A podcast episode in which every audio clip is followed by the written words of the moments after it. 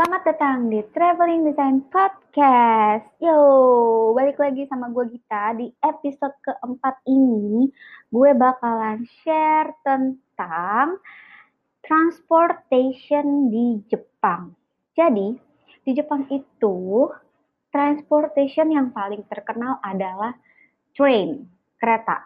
Jadi, buat kalian yang mau jalan-jalan ke Jepang, pasti pasti bakal sering banget yang namanya menggunakan kereta. Ya buat yang banyak duit banget ya pasti naik taksi aja lah ya biar nggak capek-capek biasanya kayak gitu. Tapi yang mau experience buat lo seperti orang lokal dan lo pengen rasain rasanya ketemu orang-orang Jepang yang sebenarnya sesibuk apa kalau di pagi hari sama di saat lo pulang kerja. Terus cara lu pengen lihat tuh kayak yang di internet-internet gitu ya. Kalau mereka tuh bener-bener yang rapi banget kalau antri tuh mesti banget naik kereta di Jepang. Um, di Jepang itu memang sangat terkenal banget sama keretanya. Walaupun sebenarnya ada juga bis terus ada uh, taksi. Cuma taksi itu sangat-sangat mahal di sana. Jadi kalau misalkan nih dari sini ke Jakarta Selatan misalkan sampai 100 ribu ya. Nah itu 100 ribu tuh kalau di Jepang tuh nggak yang ke Jakarta Selatan gitu. Jadi kayak dari sini tuh maksudnya dari ini ya, Kelapa Gading gitu, ke Jakarta Selatan tuh 100 ribu. Kalau di Jepang itu dari Kelapa Gading kayak Arta Gading gitu, itu cuma sampai Mall Kelapa Gading, MKG. Nah itu 100 ribu. Jadi lo bayangin aja mahalnya uh, taksi di Jepang tuh kayak gimana.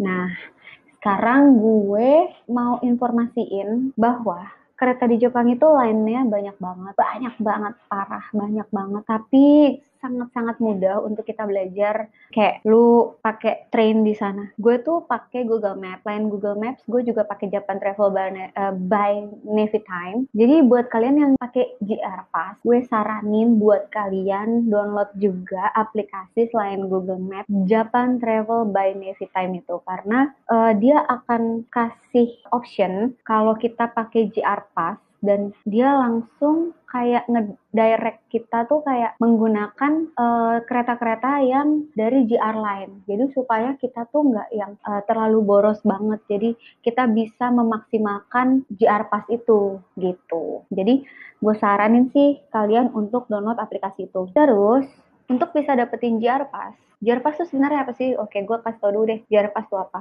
JR Pass itu um, salah satu tiket pass buat para turis yang datang ke Jepang. Hmm, kalau dulu memang nggak bisa beli di Jepang, tapi untuk beberapa tahun kemarin sampai sekarang itu udah bisa beli di Jepang. Tapi harganya kalau kita beli di Jepang, which is lebih mahal banget daripada kita beli dari Indonesia. Jadi gue saranin sih buat lo mendingan beli di Indonesia aja baru ntar kan tukarnya di sana kayak gitu. Well, belinya di mana? Banyak banget yang sediain kayak terus Traveloka, terus ada juga beberapa travel, juga yang travel-travel Jepang yang mereka sediain untuk jual JR Pass. Begitu juga dengan BWM Trip. BWM Trip juga sediain untuk kita misalkan kalau kita ikut paket BWM Trip tuh. Jadi kalau kita tanya, kalau misalkan kita call di web trip, kira-kira sediain nggak sih untuk GR Pass dan harganya berapa gitu, itu bisa kok. Makanya gue selalu pakai di web trip juga kalau misalkan GR Pass.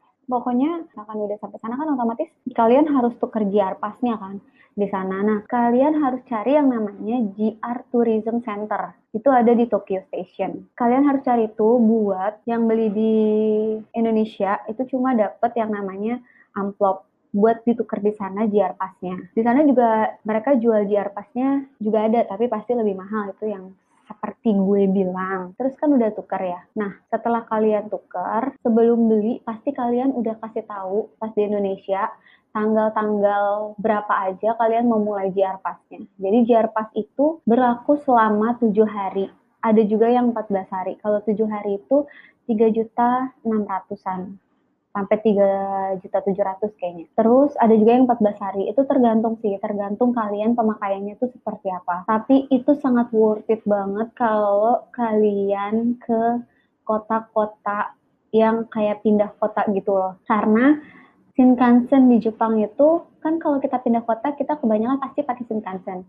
Shinkansen di Jepang itu sangat-sangat mahal karena kayak misalkan dari Tokyo ke Kyoto itu bisa 1,5an. Jadi kalian bayangin aja kalau kalian bolak-balik otomatis 3 jutaan. 3 jutaan bahkan bisa lebih. Jadi untuk JR Pass itu kita cuma bayar 3 juta 700 itu udah sampai tujuh hari dan kita bisa pakai Shinkansen bolak-balik dan itu bolak-balik itu bisa berkali-kali dan dan kalian juga harus lihat ya maksudnya Shinkansen di sini harus Shinkansen yang tercover oleh JR karena jangan asal naik Shinkansen di Jepang itu ada juga yang tidak tercover sama JR. Kemudian apa lagi ya? Oh yang terpenting juga udah otomatis nih kalian harus punya IC card. IC card tuh penting banget di Jepang karena semua kereta itu pakai IC card. Jadi kalau kalian udah nggak pakai JR Pass-nya, kalian bisa pakai IC card karena beberapa jalur kalian pergi pasti ada yang tidak menggunakan JR Line. Jadi uh, siapin juga IC card-nya untuk penggunaan yang